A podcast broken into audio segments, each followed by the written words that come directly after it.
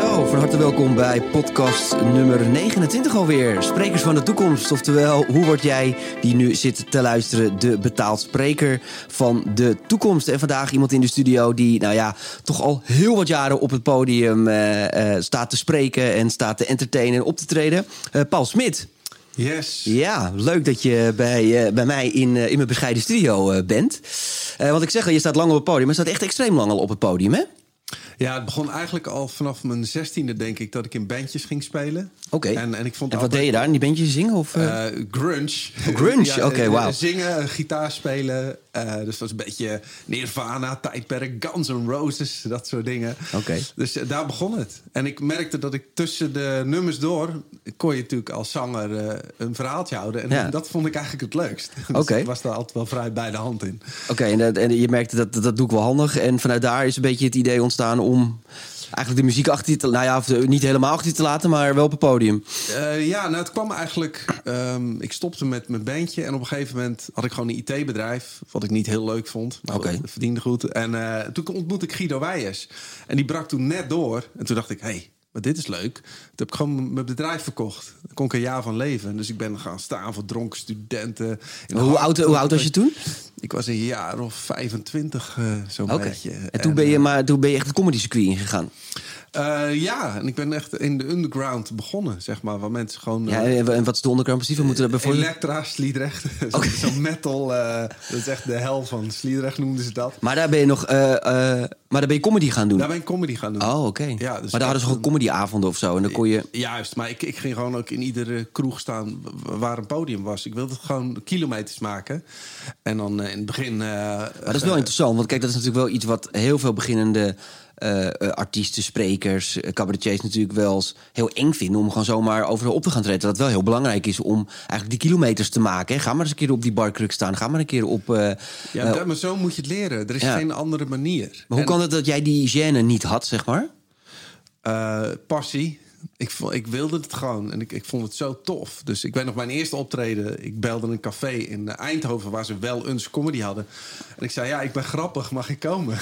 en die man die moest lachen. En dan zei ik, kom maar staan. Dan mocht ik een kwartiertje.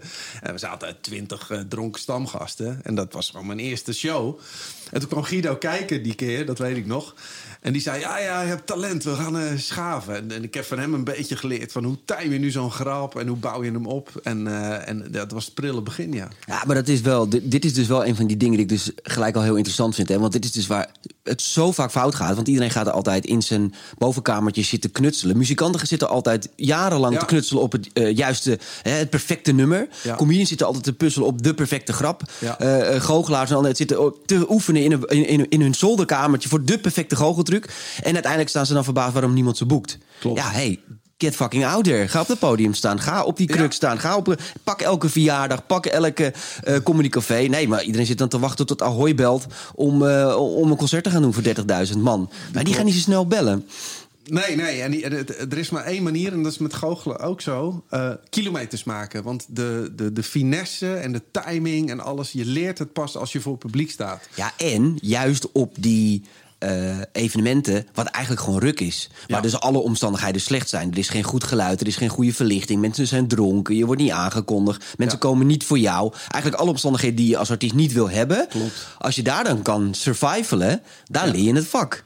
Ja, je ziet met sprekers, als ze in de goede omstandigheden terechtkomen... kun je met een matige presentatie, blijf je gewoon goed overeind.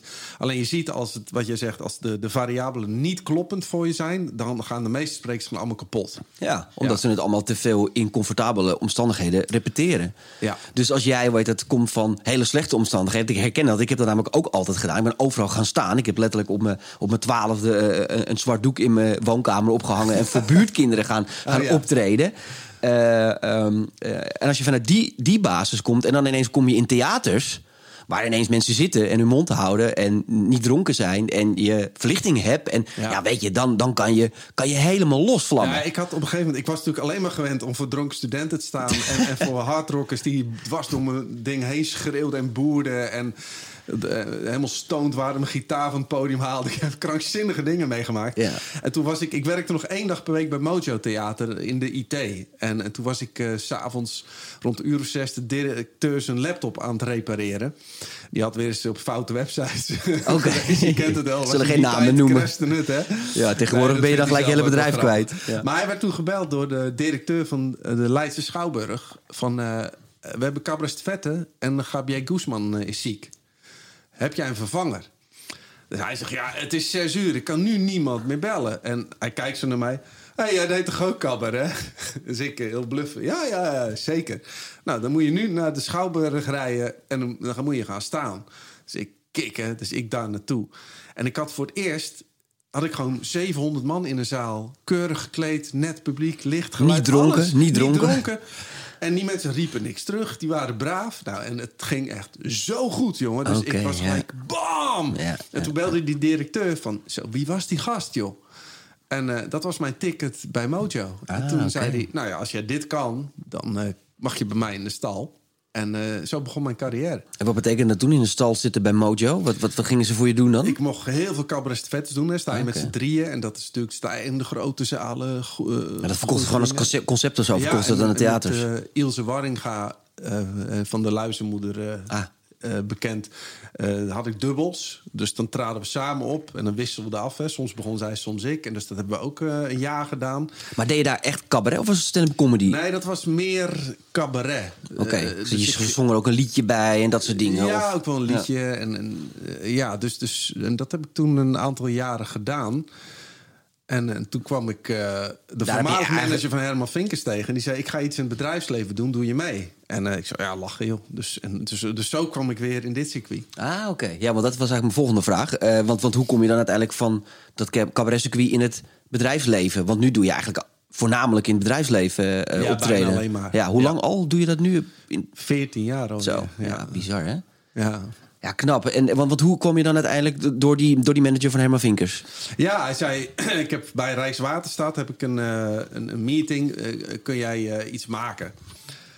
Dus ik gewoon nog in mijn spijkerbroek. Ja. Ik had helemaal geen pak, niks. En, en dat ging zo goed dat heel veel ondernemers... het was een netwerkbijeenkomst, daar had ik mazzel mee. En heel veel van die mensen in de zaal die gingen ook bellen.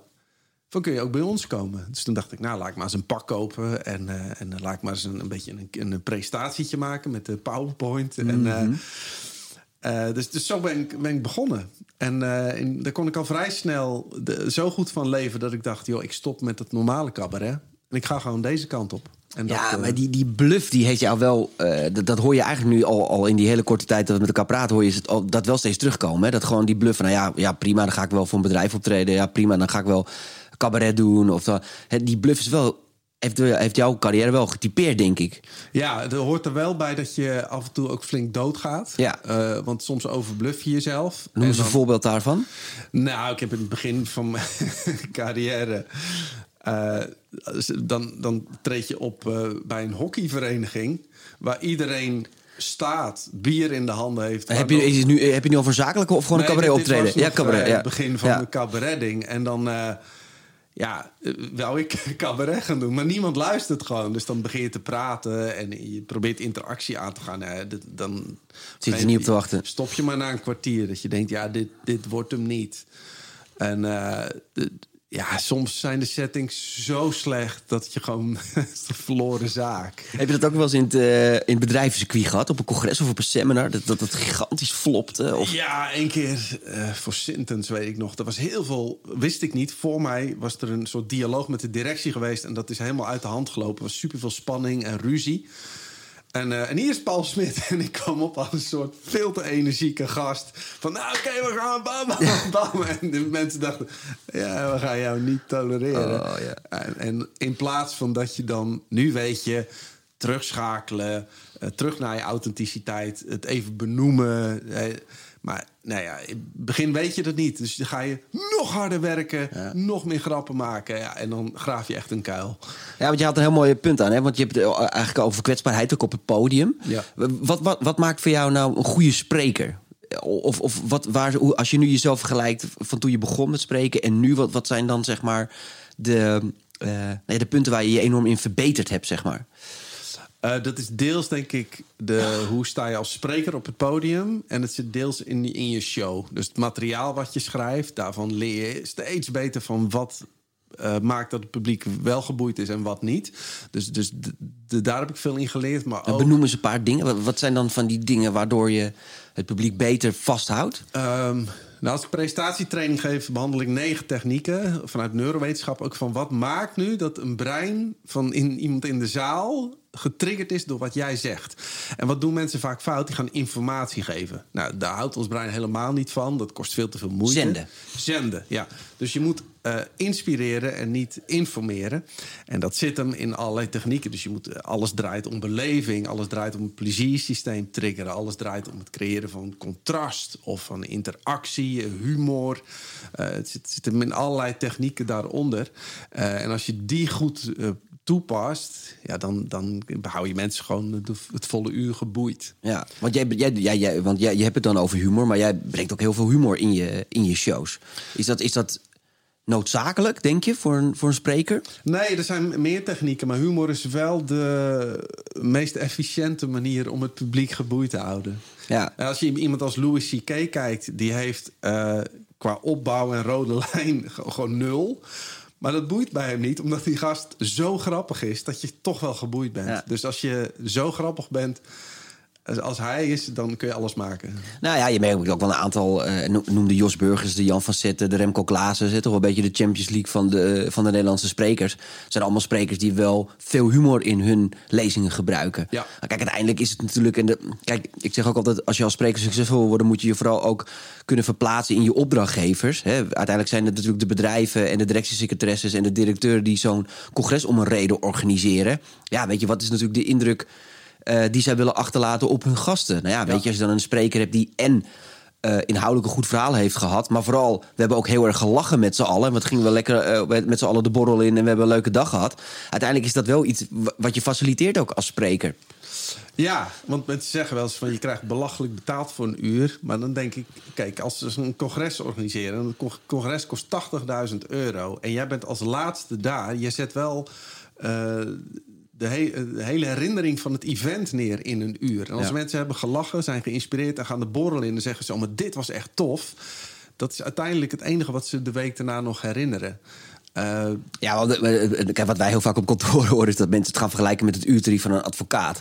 Van ja, mijn advocaat die vraagt uh, 300, 400 euro per uur en nu ineens moet ik een paar duizend euro voor iemand voor een uurtje gaan betalen. Ja, ja ik, ik snap het vergelijk ergens wel, maar um, uh, wat mensen natuurlijk niet inschatten, is dat natuurlijk veel meer bij komt kijken dan alleen dat uurtje op het podium. En inderdaad, de verantwoordelijkheid die een spreker met zich meedraagt. Want uh, een spreker kan daar heel simpel een congres maken of breken. Zeker. As simple as that. Want eh, je kan nog zo'n mooi congres hebben. Je kan nog zo'n fantastische uh, audiovisuele ondersteuning hebben. En ledschermen en podia en dat soort dingen. Maar als je slecht spreker hebt, is het gewoon ruk.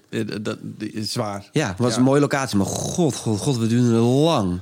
Hoe vaak heb je niet gehad dat, dat, dat, dat de directeur dan zo nodig uh, dagvoorzitter moet zijn, bijvoorbeeld? Verschrikkelijk. En dat het heel slecht is, dat hij het echt niet kan. En dat hij de energie er niet in houdt. Ja, dan kan je, dan kan je in het Paleis het Loos zitten... of dan kan je weet het, in de bibliotheek van het Rijksmuseum zitten. Dat is fantastisch, maar dan wil je nog steeds naar huis. Klopt. Ja, en dat is wel een uh, verantwoordelijkheid die, uh, die je als spreker moet maken. Als jij nou nu naar, jou, naar jouw carrière kijkt... Hè, want ja, we hebben het er vaak over gad als je op LinkedIn kijkt, is er zo ontzettend veel mensen in Nederland die ze spreken noemen. Maar er is maar zo'n klein select clubje die ook daadwerkelijk echt professioneel sprekers, die ze, die ze er geld mee verdient. Jij bent dat eigenlijk al jaren. Jij verdient al jaren goed geld uh, ermee. Je wordt veel geboekt. wat is, denk je nou, jouw succes en waarom lukt het andere sprekers misschien niet? Uh, alles moet kloppen. Dat heet omnichannel. Hè? Van het moment dat de telefoon uh, wordt opgenomen bij een boeking tot aan het eind moet je gewoon altijd een 9 scoren. Dus dat zit hem erin. Op tijd komen, je apparatuur op de, de voorbespreking netjes doen. Mensen te woord staan, direct antwoorden. Dus het zit hem in de hele back-office. Dat moet ook helemaal gestroomlijnd zijn. Dat mensen ook daar al een fijne beleving hebben. En als je op het podium staat altijd leveren. dus, dus je kunt niet uh, twee op de tien optredens een misser hebben, dan, dan lig je er al uit. Dus, het, dus altijd rond die 9 gaan scoren. En je merkt als je eh, boven de 8 gaat scoren, dat is waarin mensen zeggen: Ah, die moet ik voor de volgende keer hebben. En, en dat heeft tijd nodig voordat je daar bent. Maar op een gegeven moment, als het, net als bij SAP, eh, als dan de hoogste baas mij kent. En die heeft een event En die zegt Paul Smit. Want die weet, dan komt het goed en dan gaan we leveren. En op een gegeven moment krijg je zoveel bedrijven die jouw naam gaan noemen. Maar dan moet je ook continu leveren. Ja, je moet die Dus visuele cirkel moet je in gang brengen. Hè? Als je ergens Zeker. optreedt, moeten er altijd weer twee, drie mensen zijn die je weer boeken. En dan uiteindelijk kan je Ja. de rest van je leven blijven snabbelen. Alleen, wanneer kwam bij jou, bij jou het punt dat je dacht: oké, nu heb ik die acht, nu heb ik die negen. Ehm, in het begin scoorde ik dat best wel snel, denk ik. Maar er zaten nog wel dipjes tussen. Als de omstandigheden moeilijk waren, dan dat ik soms dacht... oh ja, ik krijg hem niet echt helemaal aan de praat. En op een gegeven moment maak je zoveel kilometers... dat je precies weet hoe je dat kan opvangen. Als het dan een keer ietsjes minder gaat... dan weet je precies hoe je moet schakelen. En eh, dus denk ik, ja, nu sinds een jaar of acht... dat het gewoon, ja, eigenlijk altijd wel gaat. Ja. En, en, en heb je ook uitschiet dat echt eh, hilarisch wordt. Die, die zijn heel fijn, maar ja, alles moet kloppen. Je, je had het net over de back-office. Hè? Neem ons dus een beetje mee in de, in de Paul Smit Productions BV. Eh, hoe, eh, hoe, hoe is jouw organisatie opgericht en waar schakel je hulp in? Neem je zelf de telefoon op? Hoe doe je je boekingen? Hoe doe je je marketing? Hoe, hoe ziet dat er aan de achterkant uit? Want dat is natuurlijk ook wel een punt. Veel sprekers richten zich natuurlijk alleen maar op wat er op het podium gebeurt. En dat is fantastisch. Ja. Maar ja, je moet ook eens een keer een bedrijf uiteindelijk uit de grond stampen. Hoe, hoe heb jij dat zakelijk altijd aangepakt? Ehm, nou, ik heb het nu wel makkelijk. Ik heb dan Arno doet eh, de boekingen. Eh, dus ook als het via jullie gaat, loopt het via Arno. En, Ja. en die zit daar eh, bovenop. Dus die neemt eh, binnen, als je belt, heeft hij hem. En Ja. dan stuur je een e-mail na vijf minuten. Dus, dus, dus, en dat werkt. Ehm, en ik heb eh, iemand in dienst en die doet eh, al mijn eh, dingen opvangen waar ik niet zoveel zin in heb. Van, van boekhouding tot e-mails, aanvragen, noem het maar op. En zij zit daar ook iedere dag op. Dus je hebt altijd direct antwoord.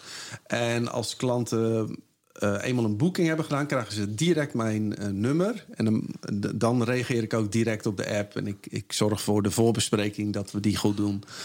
Ehm, dus ja, dat is gewoon allemaal gestroomlijnd. Ja, maar goed, dus eigenlijk heb je ervoor gezorgd dat je zelf gewoon zoveel mogelijk kan focussen op waar je goed in bent. En dat is de entertainment brengen bij bedrijven. Ja. Maar dat doe je ook veel in, nou ja, in podcasten, eh, eh, in interviews, eh, boeken schrijven. Je, je, je, je doet nogal wat, zeg maar, eh, door de week. Nou ja, dat, dat is de andere kant. Daar heb ik jou bij de eindbazen wel eens eh, lovend over mij horen praten. Daar werd ik toen op gewezen. Oké, Dank, dank Ja, alsjeblieft, alsjeblieft, zo ben ik hoor. Tien keer teruggeluisterd. Het geld komt straks. Eindelijk eens een keer een compliment, dacht je. Ja, eindelijk. Eindelijk, die het ziet. Ja. Nee, het zit hem ook. Eh, niet dat ik daar altijd zo bewust mee bezig was, maar wel het zichtbaar zijn. Het feit dat, wij, dat jij ook zo'n podcast opricht. Het zijn allemaal eh, signalen die je de wereld ingooit om maar zichtbaar te zijn. Dus je maakt podcasts, je doet interviews, je schrijft boeken. ehm, en dan krijg je op een gegeven moment dat je op zoveel vlakken zichtbaar bent en wordt, en op social media, et cetera, ja, dan gaat het zichzelf versterken. Ja, want, want, want eh, wat, ja, er luisteren natuurlijk ook veel beginnende sprekers naar deze podcast. Die denken, god, ik wil ook zo'n volle agenda hebben als Paul. Ehm, als je bijvoorbeeld naar je social media nu kijkt, hè, eh, hoe belangrijk is dat voor jou en hoe zet je dat in om uiteindelijk boekingen daaruit te halen? Want ik hoor nog wel eens van veel sprekers zeggen, ja joh, dat social media, daar, daar, daar hoef ik niet op te zijn, want dat heb ik niet nodig. Maar jij bent er heel actief bijvoorbeeld. En, en meerdere eh, eh, opkomende sprekers zijn heel actief daarop. Hè, noem de Tibor, dat soort jongens, die zijn Ja. echt wel flinke following aan het opbouwen Zeker, op zeker. social media. Dus het kan wel. Maar waar zit, waar zit dan de... Waar, waar zit dan de crux, zeg maar? N- nou, ook een unique selling point hebben, denk ik. Tibor die pakt ook heel erg op de mindset Ja. en zo. Hè. Dat is echt zijn ding. Ik zit ook heel veel op de non-dualiteit. Daar heb ik een, een grote groep eh, volgers mee. Dus je, je moet niet iedereen willen bereiken, want dan bereik je niemand. Jij Oké. doet ook heel erg, je richt je deze podcast op sprekers... die ook Ja. groter willen worden. Ja. Dus pak je niche. Durf een Eh, niche en- te pakken, en- ja. en, en ga, niet alles proberen te vangen, want dan vang je uiteindelijk niks. Ja, uiteindelijk is het exact hetzelfde als natuurlijk eh, met jezelf als spreker in de markt zetten. Hè. Er zijn zoveel sprekers die denken dat ze over alles moeten praten. Ja, ik nee, kan, ik kan en niet. over innovatie en over, over IT, maar ook over duurzaamheid en ondernemerschap. Maar ja, als je over alles praat, ben je niks. Hè, claimen, durf één expertise te claimen. Klopt, ja. Dus ik doe altijd gewoon, eh, het is humor en neurowetenschap. Ja. En dan weten mensen gewoon cabaret, filosofie. En, en dat blijf je gewoon systematisch roepen. En zo Ja. word je dan ook gezien. Maar hoe pak je dan jouw, eh, eh, even, even het merk Paul Smit aan, zeg maar? Ga je, maak je daar echt een plan de campagne voor? Of pak je gewoon aan wat, wat, wat, wat goed voelt voor je? Dat laatste. Ik ben niet zo, omdat het leven zit altijd vol verrassingen. Je weet nooit hoe het loopt. Dus het is meer. Noem corona bijvoorbeeld. Ehm, ja, eh, dat is er één van.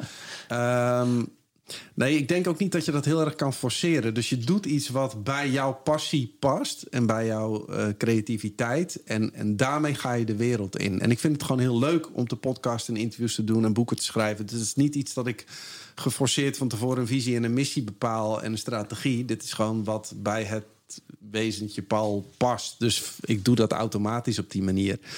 Dus, maar zeg je ook wel eens dingen, tegen dingen nee? Ja, best vaak. Dan Oké. krijgen we veel aanvragen, ook voor podcast. En dan, eh, ja, moet wel iets zijn dat wat mij ook inspireert. Want vaak gebruiken ze je om dan via jouw naam weer groter te worden. Oh ja. Dat hebben de eindbazen slim gedaan. Die vind ik die gasten super tof hoor. Dus die hebben dat echt goed gedaan. Maar ehm, nou, zo worden ze groter door de namen van anderen.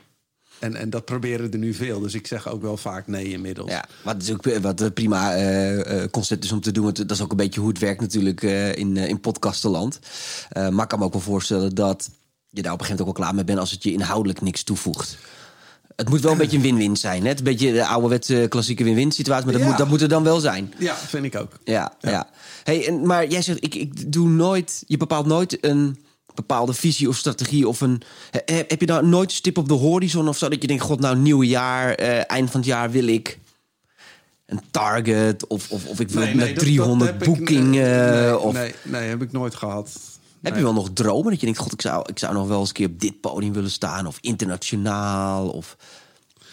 Nee, ik heb er zoveel mogen doen, joh. Ik heb echt zoveel toffe dingen gezien. Nee, nee, ik ben heel blij met eh, wat ik nu doe. En ik heb de vrijheid dat als ik iets nieuws bedenk of leuk vind... dat ik dat gewoon kan doen. Ja. Dus zo ben ik de afgelopen twee jaar met corona ook heel erg bezig geweest... met het opleiden van andere sprekers. Ja, daar heb ik dan ook weer lol in. En...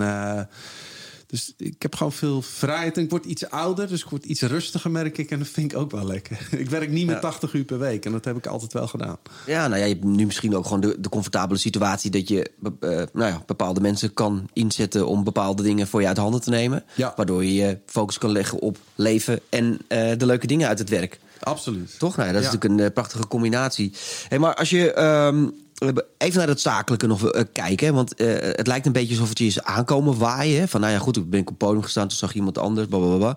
Ehm, maar hoe actief ben je ook nog bezig geweest eh on the side met het genereren van werk? Of ben je, heb je echt alleen maar gefocust op wat je podium doet? Als dat goed is, dan komt er wel vanzelf werk uit. Hoe, hoe heb je dat zakelijke gedeelte nog meer aangepakt? Ehm, Heb je ook wel eens een telefoon opgepakt en een klant gebeld van... joh, hey, eh, Nee, nee, nee, nee dat, dat koud bellen, dat heb ik mezelf nooit aangedaan. Nee. Eh, maar ik weet natuurlijk wel hoe neuromarketing werkt. Mhm. Daar geef ik training in. Eh, dus als je op mijn website komt, dan is dat breintechnisch heel slim ingericht. Hè, dat alles klopt. Ehm, en ik heb ook na mijn optreden ligt daar een, eh, een soort brochure. Daar staat nog even kort in wat ik heb verteld. Dat mensen informatie krijgen. Maar ze hebben ook gelijk mijn gegevens. En het is mooi eh, in, in beeld ge- gebracht, zeg maar. Dus, eh, Dus kan marketing en PR is het eigenlijk wel goed marketing, gecoverd. PR, Ja. dat pak ik wel eruit wat, wat kan. En Google AdWords, dat doe ik nu ook sinds een paar jaar. Ehm, ja, levert ook weer wat op. Dus dat, dat levert me meer op dan dat het me kost. Dus dan, gaat, Mhm. Dan is het eh, positief. 2000 euro per maand stop ik daarin. Maar ja, ik denk dat ik daar eh, wel 8000 euro uithaal. Dus dan is het weer slimme marketing. Ja. Eh, dus met, ja, je moet daar wel mee bezig zijn met je PR. Ja. Durf je een paar van die tips te delen met de luisteraars? Over bijvoorbeeld nou, hoe je je website slim moet, moet inrichten volgens de neurowetten? Nou ja, pak je niche. Eh, dus probeer, wat jij net zei, niet om over alles te praten. Eh, en eenvoud. K- Kijk, leef je in in degene die op jouw website komt. Dus niet wat wil jij zeggen, maar wat wil ontvangen? Wat is nuttig om te horen? Dus stel, er is een dame die hoort van een directeur... eh, regel een spreker. Nou, die eh, Google spreker. Nou, het moet over verandering gaan bijvoorbeeld. Oh, nou, dan plop je op. Als die op mijn website komt, heb ik 15 seconden om iemand te overtuigen. Dus het moet op de homepage één beeld zijn, één bericht en één call to action. Anders dan is het al een overkill.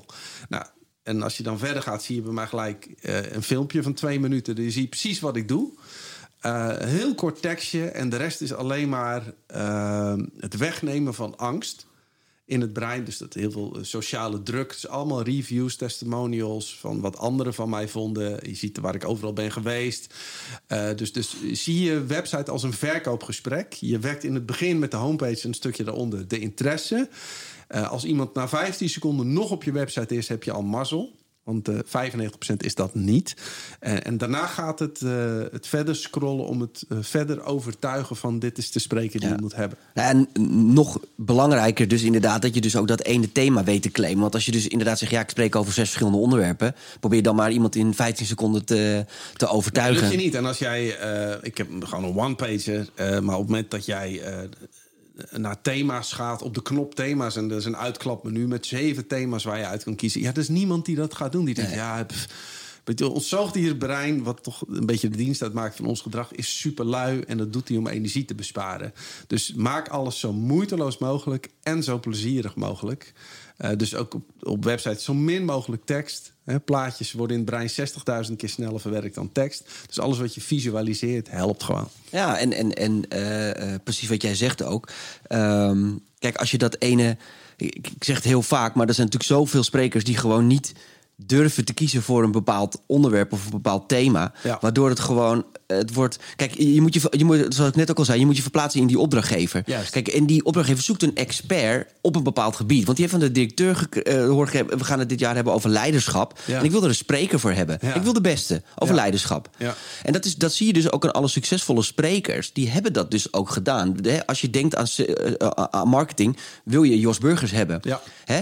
Uh, denk je aan, aan leiderschap leiderschap en teammanagement, dan wil je, weet dat, uh, onze hockeycoach hebben. Ja, Mark Lammers. Dat, dat is de reden waarom die jongens zoveel geboekt worden. Omdat ze gelinkt zijn aan een bepaald onderwerp. Als je het over neuro hebt en je wil ook nog eens een keer lachen, dan boek je Paul Smit. Ja. Simpel as that. En dat is wat je moet creëren als spreker. Ja. Eigenlijk niks meer dan dat. Nee, hou het simpel. Als je er maar ja. voor zorgt dat op het moment dat iedereen denkt over duurzaamheid, dan moet je uh, uh, Ruud Kornstra hebben. I don't know wie, wie, wie ook wil hebben. Maar ja. weet het, en dat merk je dus ook. Dat daarom zijn er ook maar in elk onderwerp maar een paar sprekers die echt heel succesvol zijn. Omdat ja. die zich op dat onderwerp ja. helemaal hebben vastgebeten. En daar expert in zijn geworden. En dan het enige wat je dan hoeft te doen als spreker... is ervoor zorgen dat je overal die expertise maar claimt en neerlegt. Zeker. En dat pot. kan ook... Ik merk, ik heb nu... Mijn dertiende boek is bijna af. Ja, dertiende? Ja. Jezus. Uh, maar je merkt dat dat wel als mensen zouden twijfelen aan mijn expertise... als ze op die website komen, zien al die boeken... denken ja dat, die, die moet het die, wel die weten. er wel iets van af weten. Ja. Dus, uh, en weet je er ook wat vanaf of niet? Want het zou natuurlijk nee, leuk zijn als je uiteindelijk zegt van... ja, ik heb, ik heb al die boeken die iemand anders laten schrijven. Net als die Pakje Opera, hij schrijft ze ook niet zelf. Hè? Die zet gewoon zijn naam eronder, hap, en door. En door, ja. maar het is wel interessant wat je zegt over boeken. Hè? Want het is natuurlijk een beetje de bekende regel. Het gaat hier heel vaak over. Want uiteindelijk speelt iedereen natuurlijk wel een beetje hetzelfde spel. Um, ja, boeken verkopen lezingen, lezingen verkopen boeken. Ja. Um, hoe, hoe, hoe, belangrijk zijn die boeken? Nou ja, je hebt het nu al een klein beetje gezegd, maar uh, uh, ja, schrijf je die boeken helemaal zelf? Uh, schrijf je makkelijk? Is dat, is dat een heel intensief proces? Of? Nee, nee, schrijven dat is echt mijn hobby. Dus okay. in, in, de zomer ben ik twee maanden vrij, hè? in juli, augustus. En dan roep ik ieder jaar dus mijn laatste boek. En dan ga ik ieder jaar toch weer schrijven. Nee, ik kom in een soort flow. En dat vind ik heerlijk. En dan schrijf je in twee maanden schrijf je een boek? de mijn bestseller heb ik in drie dagen geschreven. Zo. Ja. ja. Holy shit. Dat was in één keer zo'n voem. Maar er mochten maar 80 pagina's zijn, want dat was eigenlijk voor de boeken tiendaagse. Maar ja, dus uh, dat was... Uh, in drie dagen tijd? Ja, echt bizar. Nou, dan, nou, dan schrijf ik s'nachts ook wel door, zeg maar. Dus dat vind ik dan heel tof. En de laatste heb ik iets lang over gedaan met Aitja Sapora, neurowetenschapper uh, Veranderen voor luie mensen. Die is ook een stuk dikker hebben we iets meer... Uh, Vier dagen over gedaan. uh, vier en half. Nee, nee, maar... Maar, uh, maar hoe belangrijk zijn die boeken uiteindelijk in je carrière geweest? Even los van of je er geld aan hebt verdiend of niet. Nou, je verdient er nauwelijks iets aan. Nee. Dat is al een paar duizend euro per jaar. en dan heb je een bestseller. heb je een bestseller. Ja. Die is nu 50.000 keer verkocht. Maar ja... Um, het primet je... Want het geeft je, je moet wel bij een uitgever zitten, anders nemen ze niet serieus. Want in eigen beheer kan iedereen tegenwoordig. Dus als je bij een uitgever zit, primet het je. Dat ze denken, nou, dat is wel de expert. En die, hebben het, die moeten het een soort van gecontroleerd hebben dan of zo? Van dit zal wel. Nou ja, ja. dat is gewoon de beleving. Ja. Maar ik heb wel, omdat uh, op een gegeven moment lezen zoveel tienduizenden mensen uiteindelijk je boeken. Daar komen ook boekingen door. Ja. Want, want ik heb heel veel vanuit die non-dualiteit, wat een best wel radicale filosofie is. Uiteindelijk blijkt dat er toch een CEO ook daarin geïnteresseerd was. Of laatst de directeur van een architectenbureau. En, en, En die dan- leest dat en dan denk die ik, dat, dan heb je een paal die moeten we hebben volgende keer. En dan is verkopen zo makkelijk, want dan is het net alsof ze je al kennen. Ja. Dus dat heeft me uiteindelijk eh, heeft het me gewoon boeking opgeleverd. Maar je zegt, eh, je, je, hebt ge- je, weet, je moet eh, bij een uitgever zitten. Is dat zo? Is, is dat echt zo belangrijk? Want je Ja, hoort de laatste ik- tijd ook heel veel mensen zeggen... ja, geef het lekker in eigen beheer uit. Kan, maar dat voelt voor veel mensen, merk ik, alsof het niet echt gecrediteerd is door een andere expert. Oh ja. Dus ik. Voor jou werkt dat niet. nou ja, en eh, dan moet ik zelf een boek op de post gaan doen. Daar heb ik echt geen zin in. nou, je, je, je zegt al wat, want weet dat, eh, uiteindelijk, je kan een boek schrijven, hartstikke leuk, maar eh, dan moet je hem ook nog verkopen.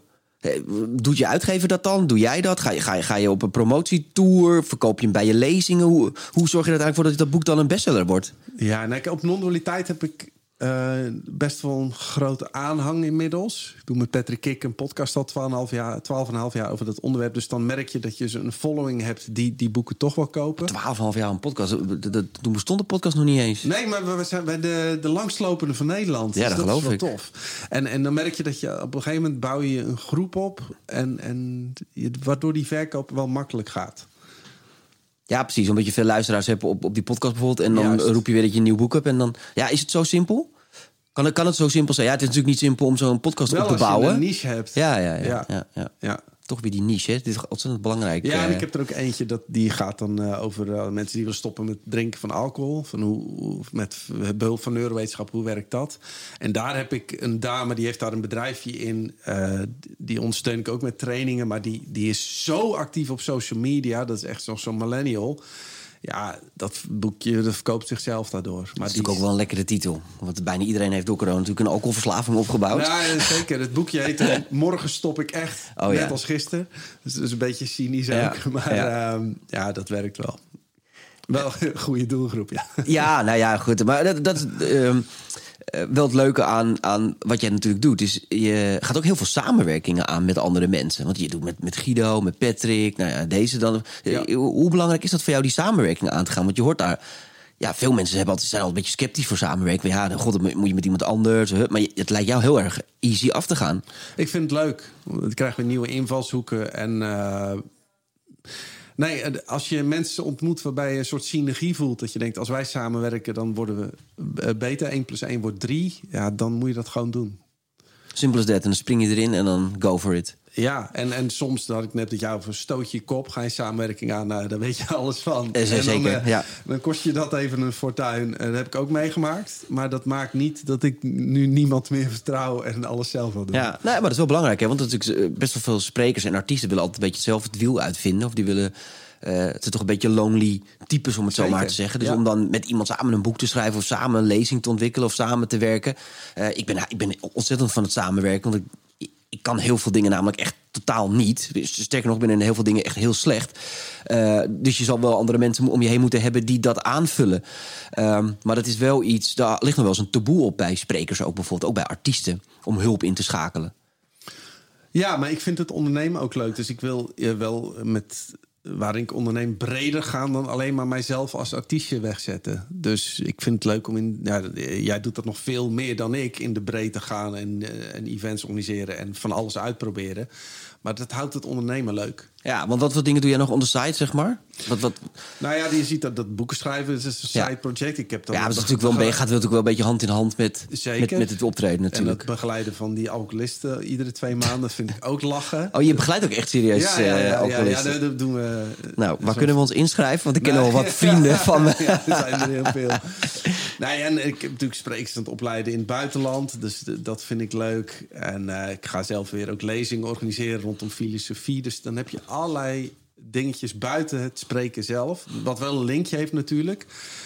Wat je ook weer neerzet. Ja. En daar heb ik wel lol in. Ja. Hey, als, als je, want we noemen het eh, net even eh gekscherend tussendoor de, de coronaperiode. Dat moet voor jou natuurlijk ook wel een raar, raar iets geweest zijn. Want jij bent natuurlijk ook van hollen naar stilstaan gegaan. En Ja. nu weer hollen waarschijnlijk. Eh, wat, wat heeft die periode je gebracht? Eerst heel veel rust. Oh ja? Maar ik dacht na een paar maanden, nou, misschien moet ik toch weer wat gaan doen. Je bent gewoon letterlijk even e- eventjes eh, achterover gaan zitten. Ja, ik dacht in het begin, ik heb nu twintig jaar lang 80 uur per week gewerkt. We gaan even rust nemen en dat was wel fijn. Kom je En, jezelf niet eh, ontzettend tegen in die periode? Nee, dat ging wel goed. Ik, ben, eh, ik, ben, ik had nog een huis in de stad die ik moest eh, verbouwen. Dus toen ben ik gaan klussen. Ah, ja. Iets totaal anders gaan doen. En toen op een gegeven moment kwamen de webinars. En eh, ja, hoe saai het ook was, eh het paid the bills. Dus toen ben ik dat ook Je hebt het wel gedaan, want er zijn natuurlijk een hele hoop sprekers die hebben gezegd... nou, ik ga dat niet doen. Ja. Eh, hoe, hoe was dat voor je? Hoe heb je je daarin ontwikkeld? Ehm, ja, het was een enorme zoektocht eh, qua techniek. Van hoe ziet het toch Ja, uit? precies, Dus ja. ik heb mijn ruimte wel zeven keer verbouwd, denk ik. Ehm, Nieuw cameraatje, nieuwe positie, nieuw microfoontje. positie en dan alle fouten die zo'n platform heeft. La- maakt leek zo'n leuk achtergrondje, maar beeld ziet het toch eigenlijk helemaal niet zo... dat. Dan had ik prachtige achtergrond met allemaal lampen. En dan blijkt dat Zoom dat te veel prikkels vindt. En dan is de kwaliteit weer laag. Oh ja. Anyway. Eh, het was wennen, want je praat heel onlogisch in een eh, camera. Je ziet geen mensen, dus je moet gewoon om je eigen grappen gaan lachen. Anders komt het niet over. Dus dat was wel even schakelen. Eh, maar goed, de mensen waren tevreden. En, Heb je eh, veel gedaan? Ja, ik heb er echt wel veel gegeven, ja. Grappig. ja. Maar ik ben blij dat het weer live kan, hoor. Ja, want het is nu, nu is de markt weer open. agenda weer helemaal vol. Ja, ja, ja, zeker. Ja. is bizar hè, hoe dat ineens zo... ja, eh, het was niet normaal. Ik vind het ook zo bizar dat het ook nu op het moment... eh, eh, er gebeurt natuurlijk genoeg in de wereld. Maar het lijkt wel of corona ook ineens gewoon verdwenen is. Ja, nog niet in de straat, want op een of andere manier heeft ineens iedereen corona. Maar het is niet, geen probleem meer of zo. Nee, het is een verkoudheidje. Ja, het is een griepje. verkoudheid Ja, geworden. Twee ja. jaar helemaal plat gelegen in onze markt. Ja. Ehm, maar het lijkt wel of de buitenwereld gewoon al het geld heeft opgespaard wat ze nog hadden. Want de eventwereld is echt booming op het moment. Nou, maar ik snap het ook wel. Want als bedrijf wil je ook dat het je personeel samenkomt. Ik bedoel, er is... De magie is alleen maar als we elkaar zien. Als wij dit via Zoom hadden gedaan, hadden we een heel ander gesprek gehad. Want je maakt nu, nu maken we oxytocine aan, waardoor we elkaar gaan vertrouwen. En dat heeft allemaal positieve voordelen. Dus bedrijven willen ook dat hun personeel elkaar weer ziet. Dus ik snap het helemaal. dat Maar dan predik je wel wat anders dan, dan alle trendwatchers, om het zo maar te zeggen. Want iedereen zegt natuurlijk, ja, we gaan veel meer naar digitaal, steeds meer naar digitaal. Maar eigenlijk zeg je van, ja, als je naar het brein kijkt, hebben we eigenlijk juist heel veel behoefte om elkaar te blijven ontmoeten. Ja, nee, kijk, eh, die, die hele digitalisering en ook, ik heb jou, die vond ik heel interessant, die podcast over de meta. Meta, ja, ja, meta ja, en, en eh, dat gaat heel veel mismatches opleveren in ons brein. En we hebben er al zoveel. Dus mensen gaan daardoor hun dopaminehuishouding gaat scheef groeien. Dus we gaan heel depressief worden. Eh, de echte ontmoeting vindt alleen maar zo plaats. Dat gaat de komende 10.000 jaren niet veranderen. Dus je kunt wel in zo'n digitale wereld, maar dat, is, dat blijft voor ons brein een nepwereld. Ja. Dus het is leuk. Eh, We halen er even plezier uit. Maar je zult op een gegeven moment zien dat er een tegenreactie komt. En dat mensen weer eh, back to basic gaan. Ja, ah, wat je eigenlijk ook al merkt. hè. Kijk, en bijna bij elke ontwikkeling, eh, noem internet, noem websites, noem social media, zegt iedereen: ja, dit is het einde van de sociale maatschappij. Want we gaan nu elkaar. Maar ook op social media. Nou ja, ik bedoel, eh, social media is, is, booming, maar nog steeds hebben mensen behoefte om elkaar te ontmoeten. En dat merkte je ook in die, in die coronatijd. Als je dan. Je, je kon best wel veel via Zoom doen. En op een gegeven moment merkte ik dat ik er wel vertrouwder in werd. En dat het wel, eh, wel normale gesprekken kon voeren. Alleen als er een klap op een deal moest gegeven moest worden. Of je wilde, moest, wilde je elkaar toch eerst even zien. Ja. Je wil Ja. elkaar eerst even zien, om even Ja. toch te voelen. Is, voelt het nog steeds wel zo goed als je elkaar in de ogen aankijkt? Ja. Eh, eh, en als je een deal gemaakt moet worden, ja, dan gaan we toch even eerst een kop koffie drinken. En, ik, en, en ja, we, leven nu al in zo'n digitaal tijdperk. Dus ik denk ook inderdaad. En ik vind die metaverse en ik vind die NFT's, ik vind het knijter interessant. Zeker, zeker. Want ik, ik smul ervan, zeker als Carlo erover vertelt. Ja, ja. Ehm, ehm, en ik geloof dat het een heel groot onderdeel van het leven gaat zijn. Net als gaming en weet ik veel wat dan. Maar het is gewoon een heel groot onderdeel van ons leven. Maar het sociale is nog steeds niet weg. Je gaat nog steeds op vrijdagavond met je vrienden in de kroeg zitten. Nou, ik Tenminste, zie ik bij wel. mijn zoon, die is nu 17. En zijn vriendjes en hij, die zitten niet eens meer op social media. Eh, die kijken heel soms, hebben geen eigen profiel. Maar die zitten nu rond een kampvuur eh, met z'n allen biertjes te drinken. Ja, goud. Dus, en, en je ziet op een gegeven moment, wat ik ook wel snap... wordt het voor het brein ook te vermoeiend, al die dingen. En dan haakt het brein ook af. En ehm, dus ik denk dat het, het gaat allemaal er komen. Nou ja, en we realiseren ons allemaal ook, en ook die kids die, die wel geboren zijn met een iPhone in de hand, we realiseren ons allemaal, het is niet, it's not the real world. Het is niet de echte wereld. Nee. Eh, en zolang we die vertaalslag blijven maken, kunnen we er best verslaafd aan raken. Want dat ben ik ook. Ik, ben ook, ik zit ook de hele dag op mijn LinkedIn en mijn Instagram. Dat ik af en toe denk, waarom? Ja. Ja, we- oh, ik heb een like erbij. Nou, lachen man. Ja, het is toch die dopamine dan waarschijnlijk eh, wat, waar hij Ja. het over heeft. Ehm, maar uiteindelijk zoek je elkaar toch wel weer op in het echt. Klopt. En dat de restaurants zitten vol, de clubs zitten weer vol, alle festivals verkopen uit, concerten. Ja. We hebben er gewoon weer zin in met z'n allen. Dat, dat is natuurlijk wel super fijn. Hey, tot slot, want we zijn bijna door de tijd heen, eh, Paul. Eh, heb jij nog wat tips voor beginnende sprekers? Er zijn natuurlijk heel veel sprekers die ja, of sprekers die al heel lang de, gewoon niet lukt om aan de, aan de bak te komen. Wat zijn nou een aantal tips die je kan meegeven om succesvol te worden als spreker? Ehm, mijn eerste tip is zoek een mentor. Dus iemand die in het vak zijn kilometers heeft gemaakt en jou helpt om te verbeteren. Want als je zelf die zoektocht gaat doen, dan, uh, zoals ik deed, dan ben je heel veel jaar bezig voordat je eindelijk door hebt wat wel of niet werkt. Oké. Ehm, en, en heel veel mensen overschatten hun eigen verhaal. Die denken: nee, maar dit is voor iedereen interessant. Ah, ja. Nee, voor jou is dit interessant, maar je staat voor wildvreemde mensen die niet op jou zitten te wachten, hebben geen kaartje gekocht. En probeer ze dan maar eens eventjes een uur geboeid te houden. Dat, dat vraagt uh, om behoorlijk wat uh, kennis en talent, zeg maar. Dus, dus mijn eerste advies is: als je iets hebt gemaakt, zoek een mentor. En die zijn er zat. Uh, en heb je het dan echt over een sprekerscoach of een, iemand die op het podium helpt, of iemand die je zakelijk helpt, of eigenlijk alles? Nou, een mentor eh, helpt op alle vlakken. Hè? Mensen met een mentor komen veel sneller uh, ergens en verder. Ja. Uh, ook dat helpt. Maar zeker als het eerst gaat om, om je keynote maken... die moet namelijk echt knijtergoed zijn voordat je op een podium gaat staan. Want als jij half-half je carrière begint... Dan, dan ga je 6,5 scoren. En dan gaat niemand jou terugvragen. Want die denken, ja, was wel aardig. En met wel aardig bouw je geen carrière.